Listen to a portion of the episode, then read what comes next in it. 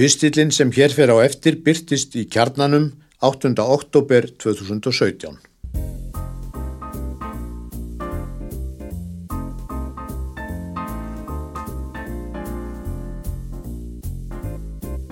Hugge Það lætur ekki mikið yfir sér þetta fimmstafa danska orð, hugge. Þegar kemur að því að útskýra nákvæmlega hvað í því fælst vandast málið. Þótt við Íslendingar segjum stundum með tilvitnun í Einar Benediktsson að til sé á Íslandi orð yfir allt sem er hugsað á jörðu, gengur okkur ekki sérlega vel að lýsa merkingu þessa einfalda orðs. Reyndar er þessi vandi ekki bundin við íslenskuna, danir eiga sjálfur í mesta bastli með það. Við eigum nokkur orð sem byrja á hugg, líklega komin úr dönsku en ekkert þeirra nær merkingu danska orðsins.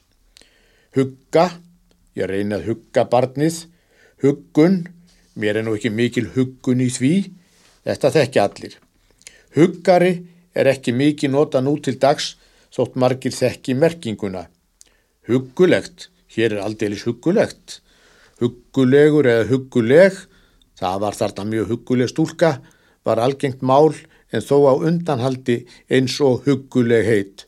Þarna voru nú aldeilis hugguleg heitin maður minn. Næs, kúl og kósi hafað einhverju leiti komið í staðin. Í einu dönsku dagbladana mátti lesa að frakkar eigi lamor, Bretar hafi unni slægin um heimstungumálið og kynverjar séu góðir í starfræði. En við eigum hugge, sagði bladamadurinn, sem sjálfur hafi verið að lesa umfjöllun Le Monde, The Guardian, New York Times og kynverska netmiðilsins Ying Daily um þetta danska fyrirbæri eða hvað sem á nú að kalla það. Skoðun erlendu bladamannana var svo að hugge sé einmitt það sem nútíma maðurinn þyrti mest á að halda nú um stundir. Árið 2016 sendi Danin Mike Viking frá sér The Little Book of Hugge. Mike Viking er framkvæmdastjóri rannsóknarsetursins Institute for Lykkeforskning sem kannski mætti kalla stopnun hamingjuransókna. Stopnunin sem er sjálfsegnastopnun var sett á laggirnar árið 2013 og hefur aðsetur á Fridriksbergi við Kaupmannahöfn. The Little Book of Hugge hefur selst í meir en einni miljón eintaka og verið þýtt á 33 tungumál. Hún hefur náðinn á meðsölulista í Evrópu og Bandaríkjónum. Breska bókaforlagi Penguin hafði samband við Mike Viking og spurði hvort hann gæti kannski skrifa bók um þetta þarna Hugge. Mike Viking segir að síðan bókin kom út hafa nánast ekki synd öðru en viðtölum um bókina og innihald hennar og sér berist fjölmarkar beinir í hverri viku um að flytja erindi.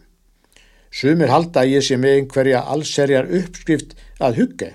Það kemur mörgum á óvart, sérstaklega bandarækjamönnum og fólki frá söður kóriðu þegar ég segi að maður geti ekki keft sér uppskrift af hugge en hún sé hins vegar nokkuð sem allir geti öðlast. Svo staðreind að fólk víða um heim hefur svona mikinn áhuga á hugge, sínir ákveðin hörgul á notaligheitum og ró í sálinni og líkamannum, sagði danski mannfræðingurinn Jeppe Trolli Linnet sem hefur skrifað doktorsriðgerð um hugge í viðtali við Danst Dagblad. Ripningin yfir hugge byrjaði í Breitlandi fyrir um það byrj tveimur árum. Þá byrtist á vefsíðu BBC, Breska ríkisútasins, grein um hugge og orðið hefur nú verið tekið upp í hérna þekktu orðabók Oxford English Dictionary. Orðabókin segir þetta orð lýsandi fyrir danska menningu. Það merki notarlega samveru sem auki velíðan og ánæju. Áhugja á dönum og öllu því sem danst er hefur aukist mikið í Breitlandi á allra síðustu árum. Danski sjónvarsmyndaflokkar, til dæmis Borgen og Forbrúðelsen hafa notið mikill að vinsælda meðal breyta. Auk The Little Book of Hugge komu út á síðasta ári í Breitlandi að minnstakosti nýju bækur um sama efni. Kjötbollur, glögg, snúðar, salgæti, rauðvinstár, kaldur bjór og kertaljós er meðal þess sem höfundar þessara bóka telja að skapi hinn að eftirsokna verðu hugge. Breska dagblæði Ímning Standard sæði umfjöllun um hugge að Danir hafi þekkt þetta fyrirbæri árum saman og það sé ein ástæði þess að þeir séu meðal hamingisömmustu þjóða heims, þótt þar sé dimt, kallt og úrkomu samt. Breska dagblæði Guardian sendi eitt bladamanna sinna til Kaupmannhafnar til að leita að hugge. Bladamadurinn sagðist vissulega hafa skinnja þessa hugge þótt hann geti ekki lístenni með orðum og enn síður útskýrt hverdi hún yrði til.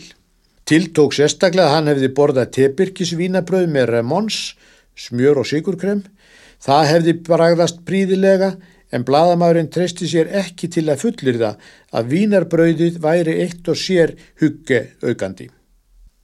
Hugge er ekki komið í franskar orðabækur en þar í landi seljast bækur um þetta óskilgreinarlega fyrirbæri hugge í stórum stíl. Í bandaríkjónum á finna hugge bakari. Kynveski ferðamenn sem streyma til Danmerkur segjast koma til að upplifa hugge. Í Þískalandi er viða að finna veitinga og kaffistadi sem kenna sér við hugge. Í Berlín er til dæmis að finna kaffe hugge. Í Hamburg var fyrir skömmu farð að gefa út tímaritt sem heitir hugge. Í fyrsta tölublaði þess notaði rítstjórnin 162 blaðsýður til að skilgreina þessa dönsku heimsbyggi eins og það var orðað. Engunar orð blaðsins eru gerðu líf þitt hugulegra og með Fyrsta tölublaðinu fylgdu framburðar leiðbeiningar þannig að enginn þurfi að fara flatt á framburðinum. Í þessu fyrsta tölublaði er líka topp tíu hugge listi. Eins konar leiðbeiningar um það hvernig hægt sé að upplifa hugge. Maður á til dæmis að njóta matarins í stað þess að telja hýtaeiningarnar, rekta sambandi við vínina, vera þakklátur fyrir það sem maður hefur og ganga í öllarfatnaði. Þetta fyrsta tölublað er ríkulega myndskreitt en það vekur aðtikli að margar myndana eru frá Svíþjóð. Í nýjasta tölublaði Samvirke, félagsmannablaði Coop samtakana er laung umfjöllun um hugge. Engin þeirra fjölmörgu sem þar var rætt við treysti sér til að skilgreina orðið. Njóta þess sem maður hefur, Frekar þig að notalega stund með fjölskyldu og vinum en að vinna fyrir örfáum viðbótar krónum nefndu margir sem einskonar skilgreiningu. Það er kannski ekki skrítið að útlendingar eigi erfitt með að átta sig á og skilgreina þetta fyrirbæri, hugge, fyrst heimamenn geta það ekki sjálfur.